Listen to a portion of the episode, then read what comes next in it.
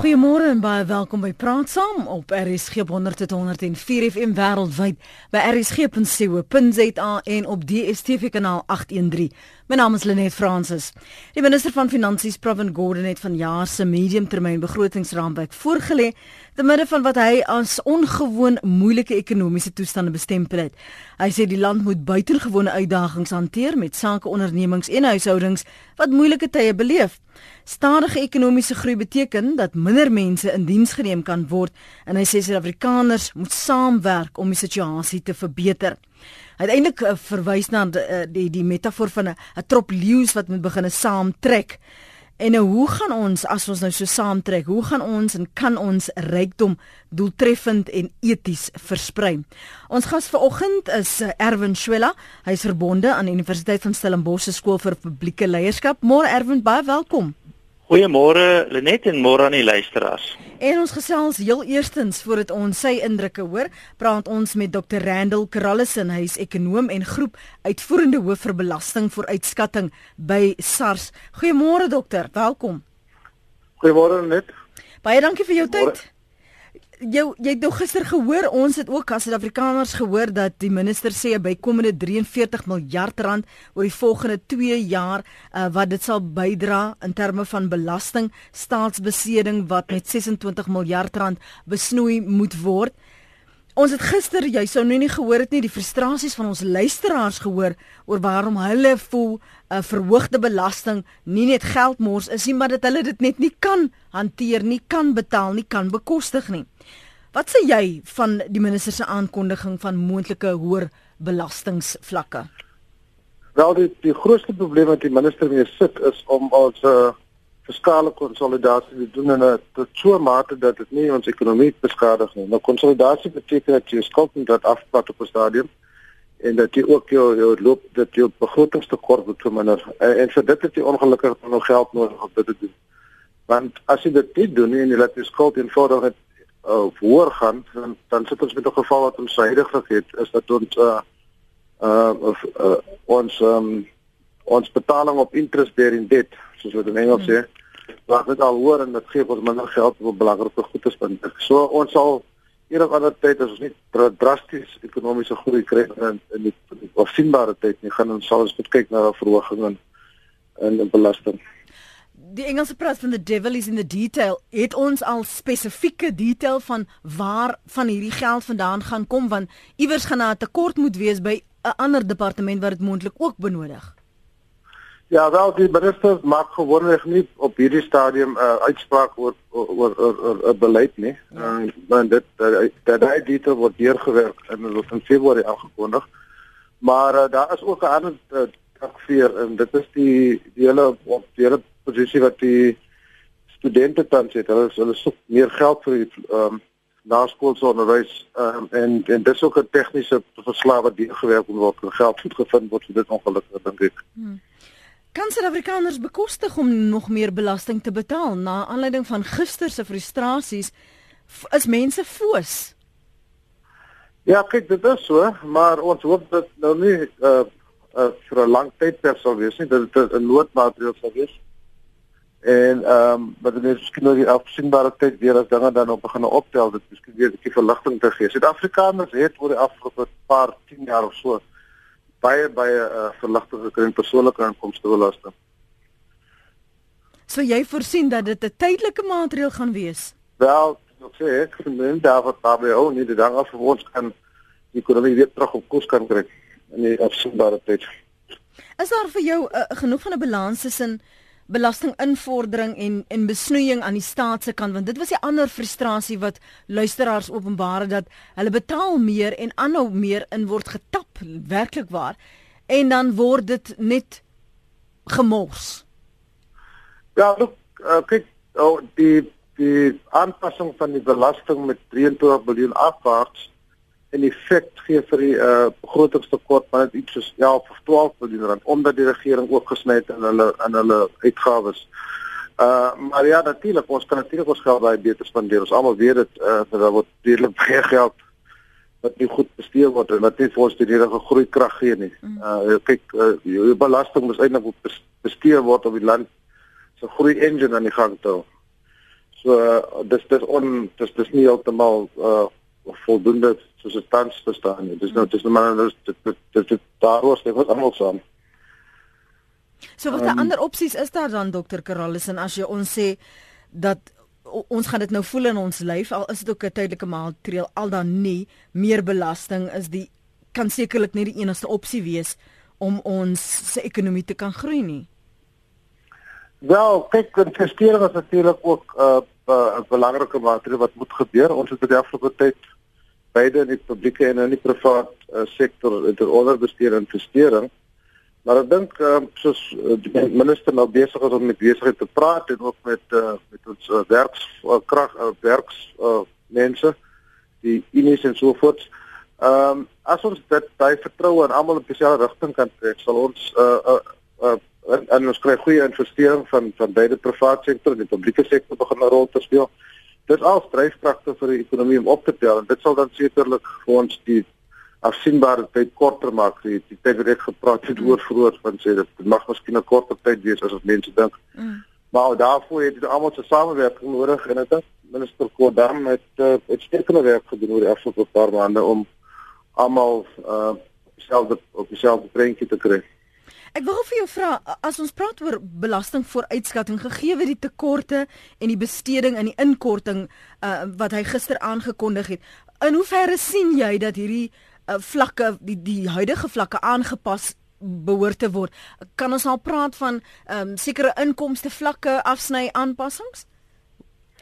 Uh, wel, dit is dit is 'n spekulering en, mm. en dis die die minister doen nou die modellering, die finansiële modellering en en dit is al oor in Februarie aangekondig word maar gaan ons vat gewoonlik uh uh uit kyk oor dit sê oor medium term so oor 3 jaar of 4 jaar uh uh soms ook kan naam Februarie se aankondigings hulle sal begin 'n voorskatting doen.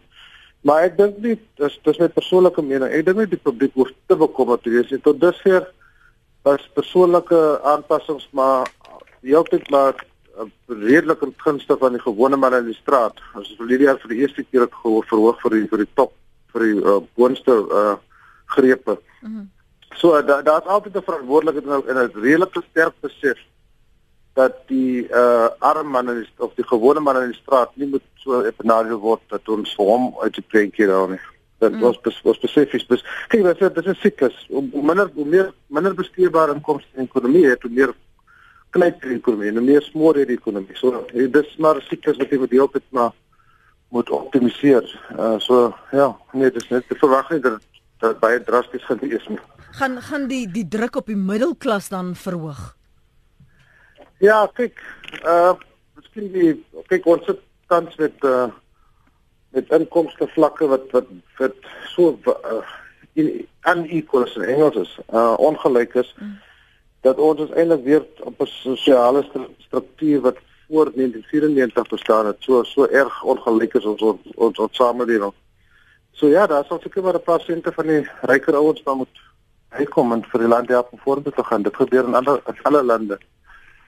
So wat is ons um, uitdaging? Hoe gaan ons dokter uh, Karalison ons praat vanmôre oor hoe ons hierdie rykdom doeltreffend en eties kan versprei. Jy verwys na na die gewone man in die straat, die wat arm is wat wat nie eers brood kan bekostig nie. Hoe gaan ons dit hier bestuur? Want aan die een kant wil ons ons ekonomie groei. Jy wil nie die wat aan die toppunt is so uit die stelsel met stelsel laat dat hulle hulle geld en hulself uit die land uitneem nie.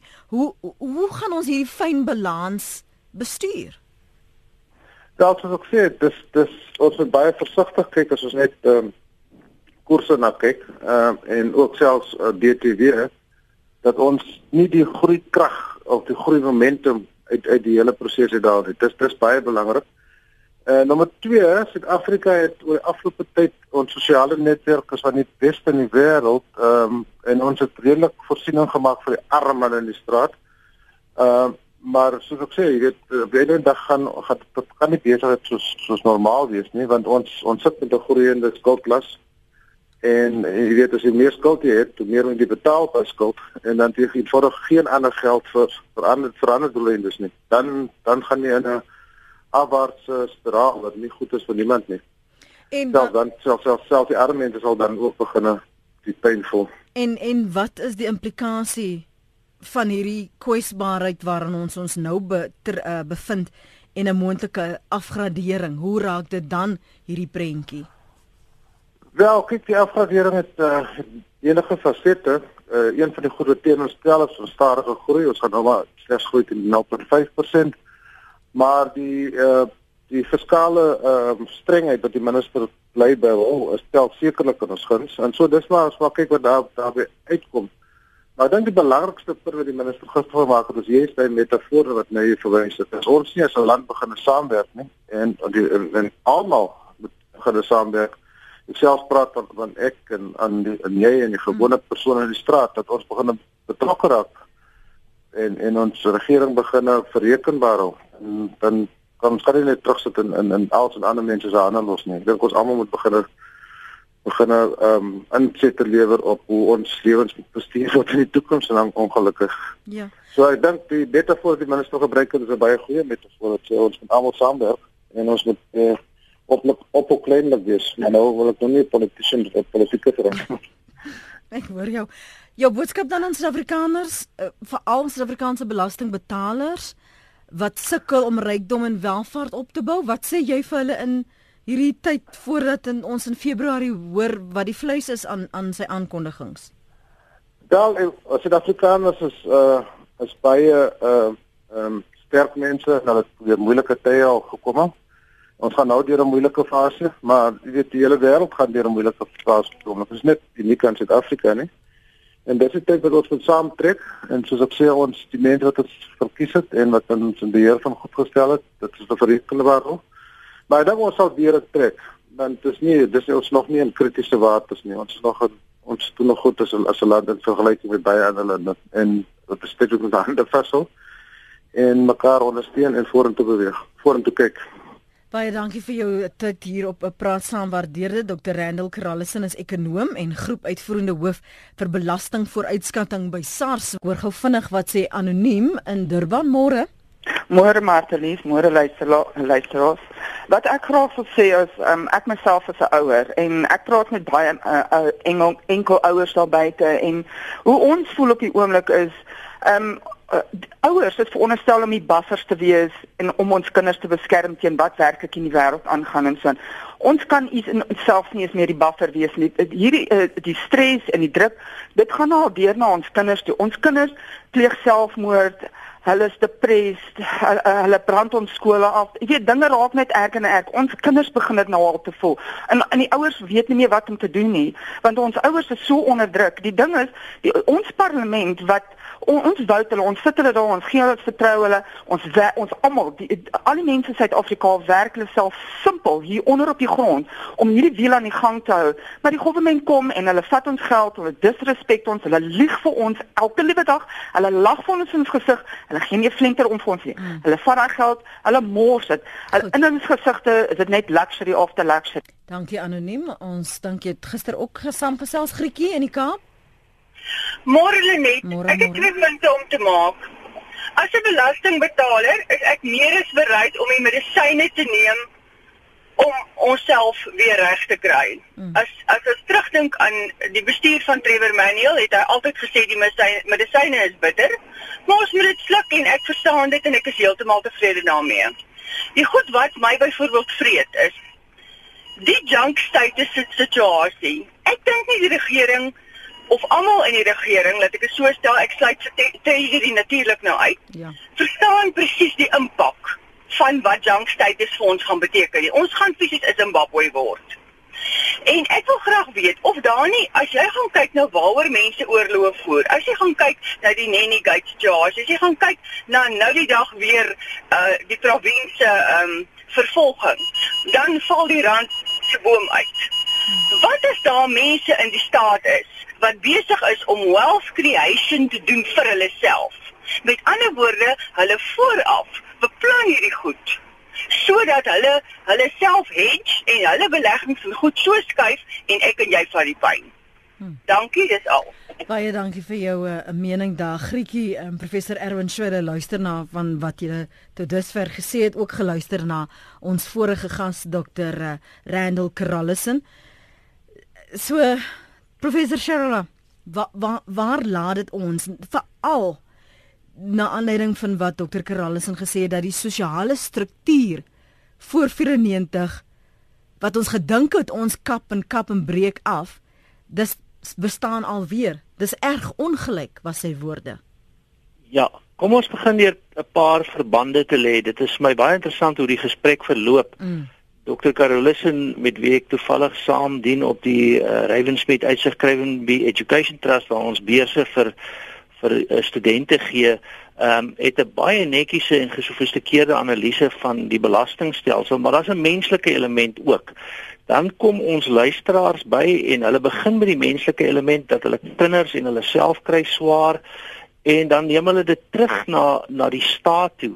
Nou in 'n samelewing is daar 'n hele klomp rolspelers. Ehm um, ons is individue, maar ons is ook lede van gesinne, ons is lede van groepe. Daar is uh, die staat waar daar die regering is en die staatsdiens, daar is die ekonomie waar daar sakeondernemings is.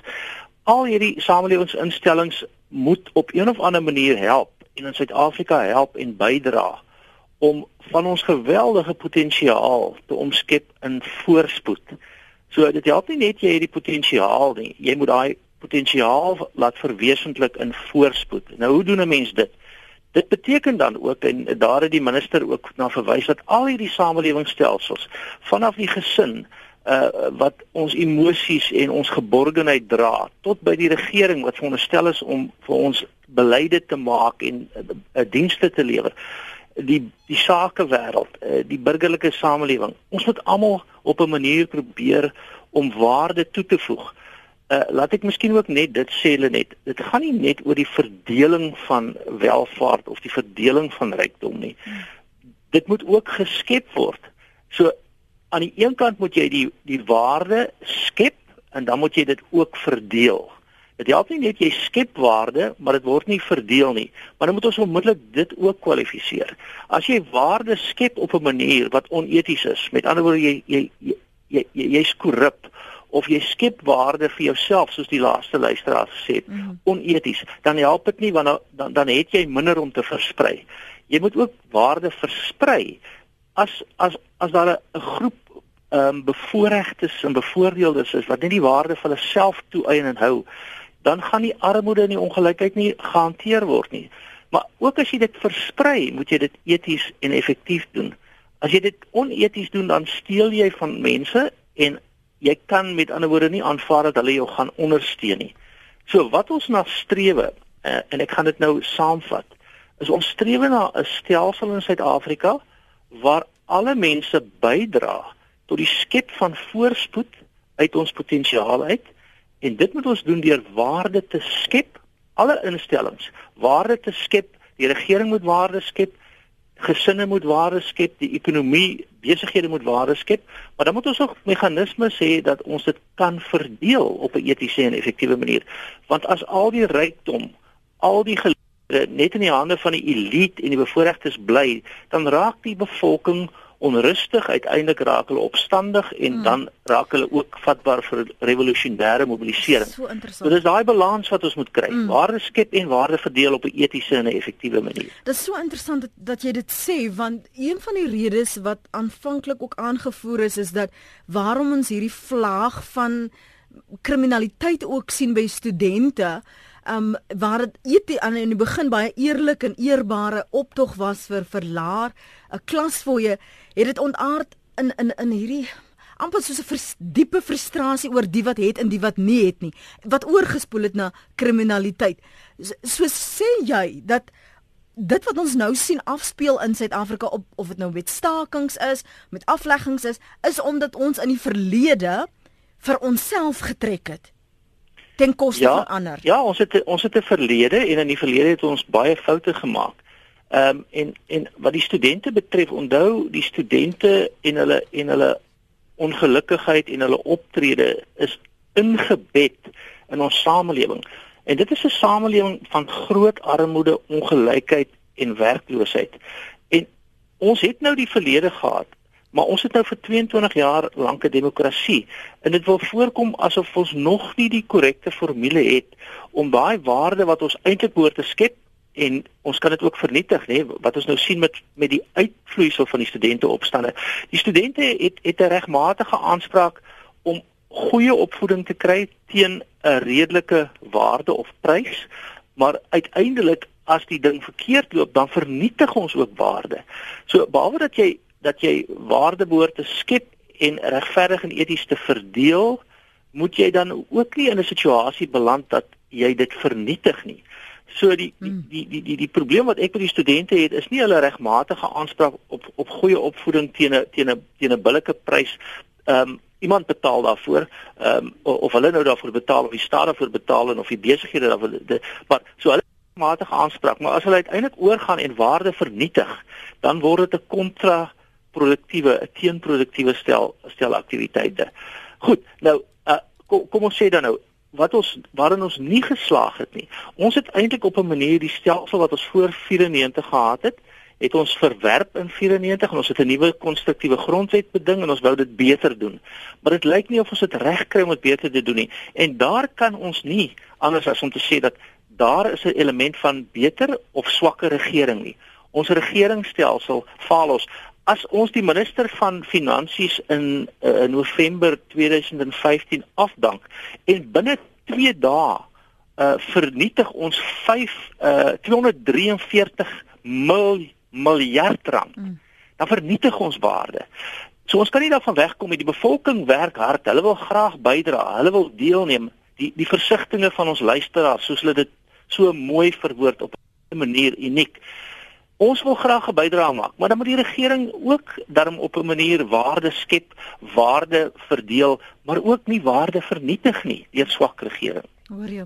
Ons hoor gou eers wat hier let op die hart het môre. Goeiemôre. Suid-Afrika se grootste probleem nog steeds is hierdie geweldige onbeteelde aanwas. As jy 6 vrouens het en 20 kinders, dan moet die staat jou help om daardie massa kinders te onderhou. En dit is ons ondergang. As die mense net sal besef dat een kind in 'n gesin die antwoord is, dan sal ons so China ook iewers kom. Maar terwyl hierdie aanwas net voortgaan, kan ons vergeet daarvan. Dankie. Dis uh Hiletse mening daar op Stilbaai wat praat oor uh die onbeteelde aanwas. Dalk het jy 'n ander mening as ons praat vanmôre oor hoe ons rykdom gaan skep en uh, dit eties en doeltreffend gaan versprei. Kom ek lees gou wat skryf Koos Karoo, dis 'n aanleiding van die vroeëre gesprek met Dr. Karallison wat ons ook gehad het. Koos Karoo sê Suid-Afrika is in 'n finansiële moeilikheid en dis hoogtyd dat almal help om die probleme op te los. Ons kan nie vir ewig voortgaan om elke keer dieselfde 4.5 miljoen belastingbetalers verder te belas nie. Die belastingperk en las is reeds oorskry.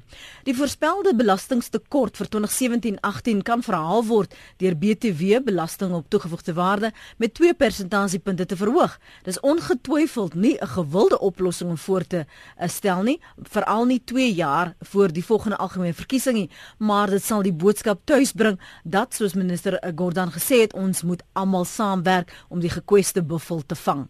Hester sê ek het glad nie 'n probleem om belasting te betaal nie. Sou ek in Port Elizabeth of die Weskaap gebly het, sou ek dubbel betaal.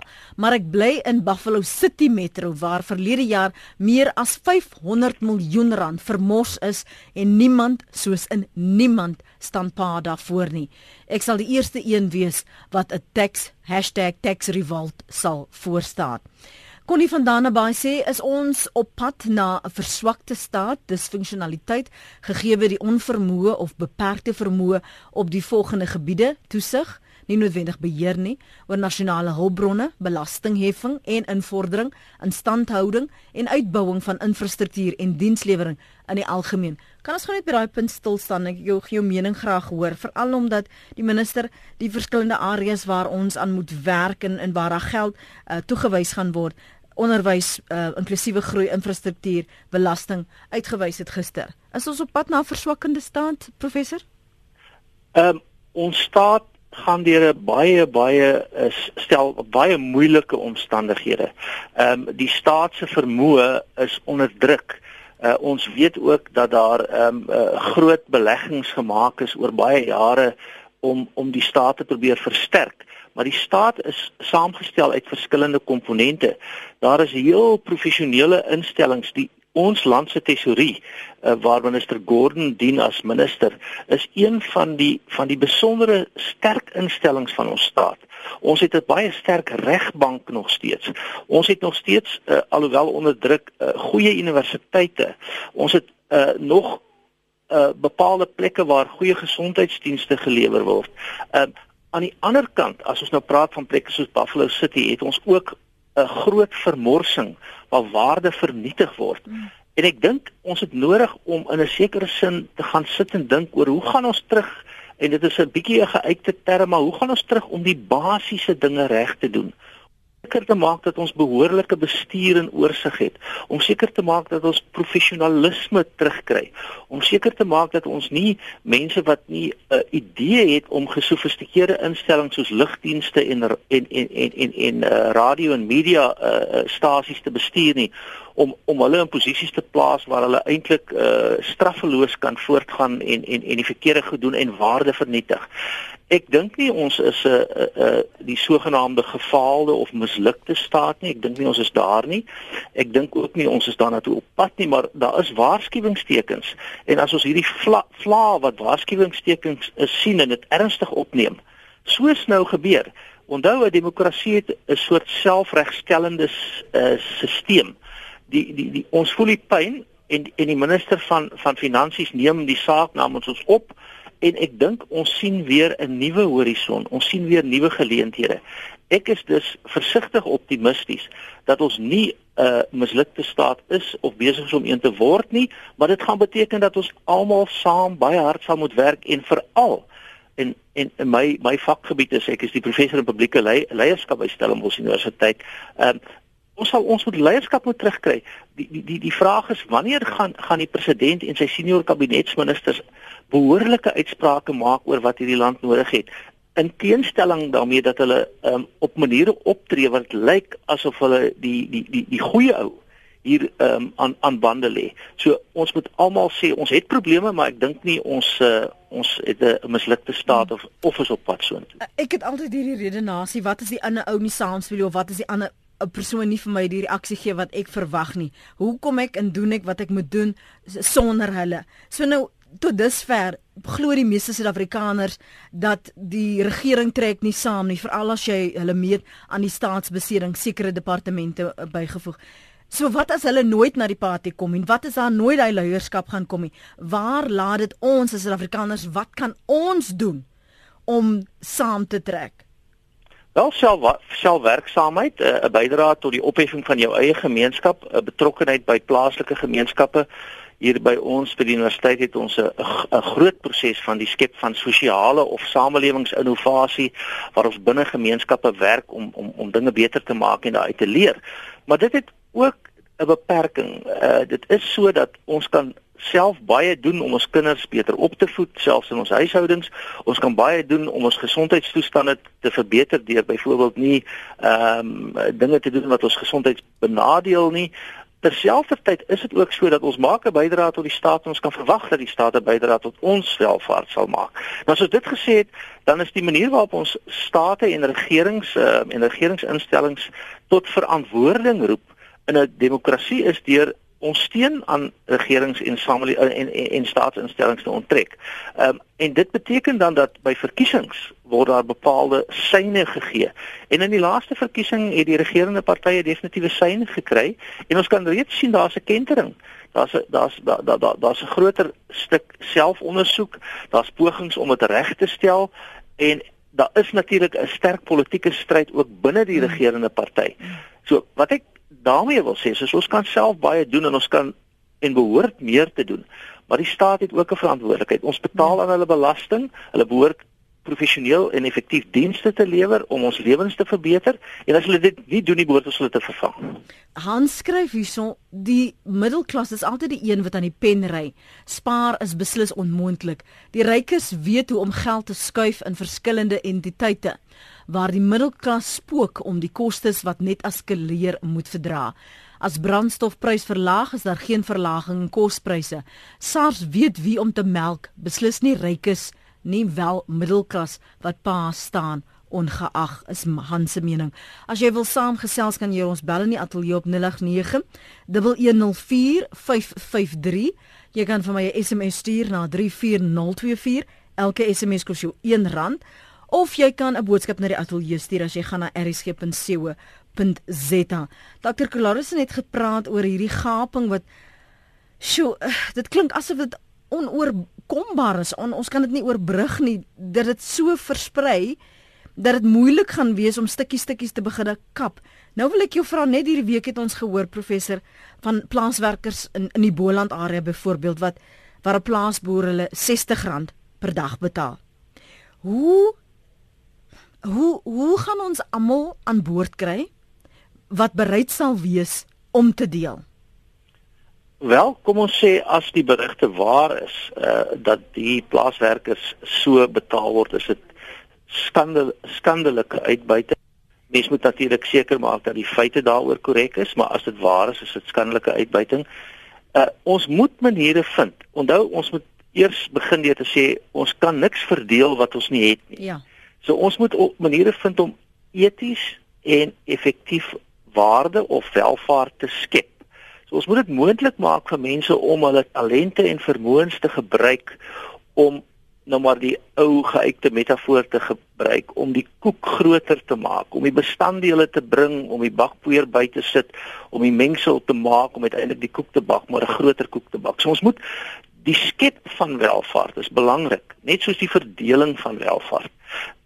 Maar as ons daai welvaart geskep het, dan moet ons ook as 'n eties morele samelewing gaan kyk dat ons nie hierdie ongelooflike opgaar van selfverrykende rykdom. Dit is eintlik 'n soort walglike bymekaar maak van dinge en dit nie met ander mense deel nie.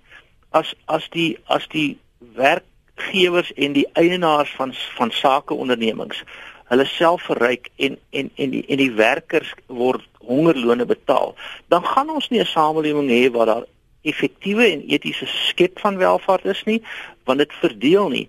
En die uit einde daarvan is opstande, dit is onrus, dit is revolusionêre potensiaal. Mm. Dan betaal jy in elk geval die prys uiteindelik. So ons moet 'n regverdige en 'n billike samelewing skep en ons moet ook aanvaar daar's geweldige agterstande. Ons het 'n samelewing geskep waar daar ongelykheid en armoede is. En dit beteken dat mense kry swaar en almal moet 'n bydrae maak. Nou wat tipies gebeur, dit is wel moontlik vir ryk mense en ook die die boonste gedeelte van die middelklas om hulle tot 'n mate hierteen te verskans.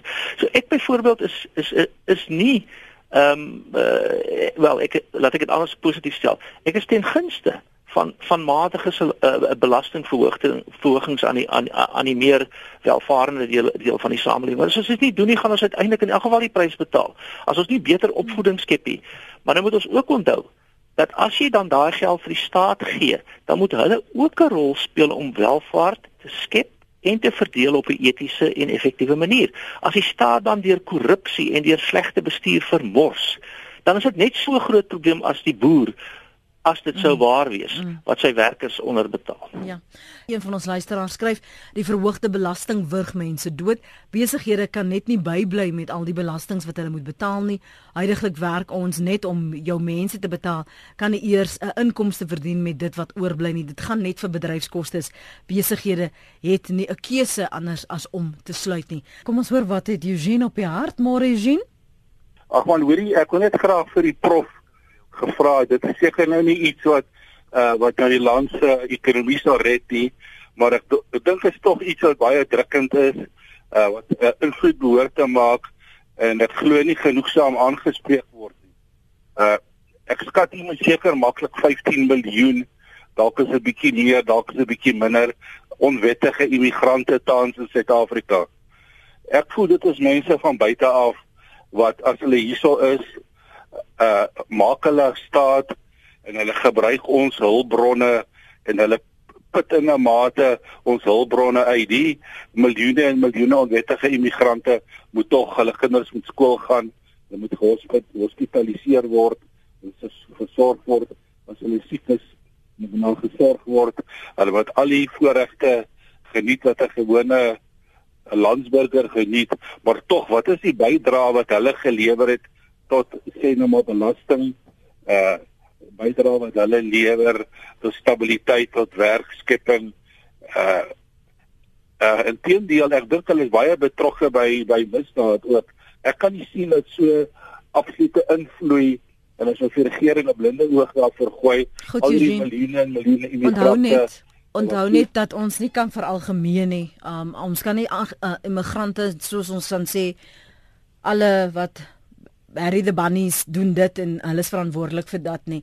Um, ons moet versigtig wees met veralgemenings. Sie skryf hier die arme mense kan wel 'n bydra maak. Leer jou kinders dat alles nie verniet is nie, dat hulle moet oppas dat die dit wat wel gratis is in die afbrand nie, dat hulle moet 'n bydra maak. Skryf Sia, ons praat vanoggend oor hoe ons rykdom doeltreffend en eties kan versprei met professor Erwin Swela. Hy is verbonde aan die Universiteit van Stellenbosch se skool vir publieke leierskap.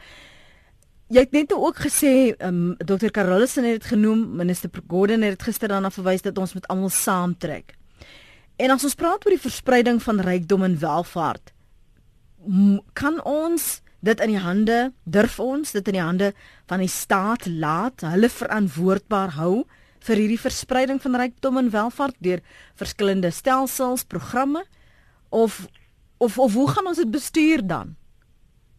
Die staat moet 'n bydrae maak. Uh, mm uh Lenet ek dink uh, die een aspek wat in Suid-Afrika uiters noodsaaklik is en wat die staat 'n groot bydrae kan lewer om almal te kry om saam te werk is die skep van vertroue.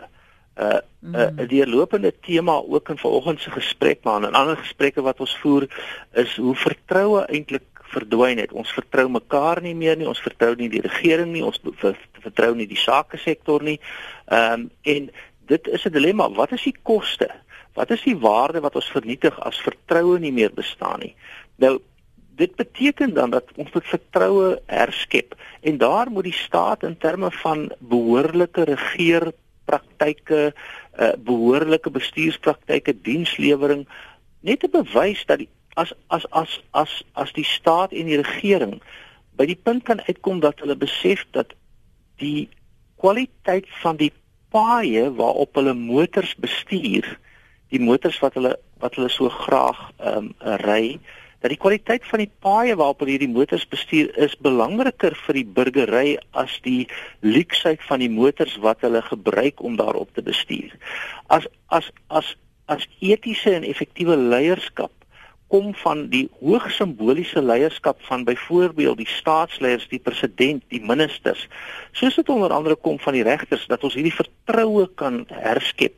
Dat mense kan sê boonbehalwe die feit dat ek ehm um, nou uh, nog steeds nie graag belasting betaal nie, betaal ek belasting ehm um, met 'n beter gesindheid omdat ek weet dit gaan goed aangewend word. Mm dit is die soort van van waardeskepping wat wat leierskap en die regering en ook die ekonomiese sektor dan gaan die sake sektor weer sê die sake sektor sit op miljarde rande wat hulle nie belê nie want hulle het nie op die oomblik vertroue nie. So elke samelewingsinstelling die gesin moet sê maar ons gaan ons kinders grootmaak op maniere wat respek en wat op een of ander wys toon dat hulle dat hulle ehm um, hulle ouers en die onderwysers in binne die skole behoorlike respek beoefen al die samelewingsinstellings moet omgedraai word en dit begin by my en jou. Hmm. Dit begin by elke individu. En dan help dit nie dat ons net op 'n negatiewe toon kla en en eintlik kom by weer vertroue afbreek deur ander mense te haat en ander mense te verwyd nie. Ons moet op 'n manier 'n kohesie bou. Ons moet by mekaar uitkom. Ons moet sa saam dinge begin doen. En alle rolspelers, maar veral die simboliese rolspelers, die universiteite, die die die die die presidente, die die die die die die die, die professionele mense, maar ook die mense in die straat moet begin om 'n bydrae te maak, maar hulle moet mekaar kan begin vertrou. Ons moet weer kohesie bou. Hier's 'n laaste vraag van Dawie. Hy wil weet professor, beteken etiese verdeling van waarde dalk van elkeen volgens sy vermoëns en aan elkeen volgens sy behoeftes? Nee, nie nie noodwendig nie want dit sal nie effektief wees nie. Ehm um, ehm um, kom ons sê daai daardie uitspraak kom kom kom uit die uit die uh, marxistiese ideologie en daar is 'n mate van van van nut daaraan. Wat 'n mens wil wil sien is is dat dat eintlik moet verdeling so wees dat dat ons die produktiewe gedeelte van die van die ekonomie en en en mense se bydrae kan behou. Met ander woorde, hulle moenie ontmoedig word nie. Maar aan die ander kant dat ander mense darm iets kry wat op een of ander wyse hulle in staat stel om ook mettertyd 'n produktiewe bydrae te lewer. So as as hulle meer geld van my af trek ehm um, van my salaris en daarmee ondersteun ons die universiteit om 'n student 'n uh, 'n beter geleentheid te gee dan as ek heeltemal ten gunste daarvan. Dit beteken nie dat hulle my uiteindelik so moet bestraf en belas dat ek nie meer 'n produktiewe bydrae wil maak nie dat ek my dat ek my vermoë onttrek nie. So dis 'n fyn balans. Maar ehm um, die idee van ehm um, jy jy kan ook in 'n situasie beland net waar jy armoede gelyk op verdeel. As jy nie hmm. insentiewe in die samelewing vir mense het om produktief te werk nie, omdat jy alles van hulle wegvat, die mense wat produktief werk nie, dan verdeel jy op jou eind armoede gelyk. Dit dit help niemand nie. Sjoe. Dit was baie interessant om vanoggend met jou te gesels. Baie dankie professor Erwin Schwella. Hy is ja. verbonde aan die Universiteit van Stellenbosch se skool vir publieke leierskap, baie om oor na te dink vanoggend want aan die einde van die dag wil ons ook in die armoede gelyk verdeel nie. Dr. Randall Krallison, ekonom en groep uitvoerende hoof vir belastingvooruitskatting by SARS was vanmôre ons ander gas. Baie dankie vir julle deelname. Dankie vir die terugvoer op ons SMS lyn en hier op ons telefoonlyn. Die vir môre oggend maak ons weer so en dan praat ons weer saam.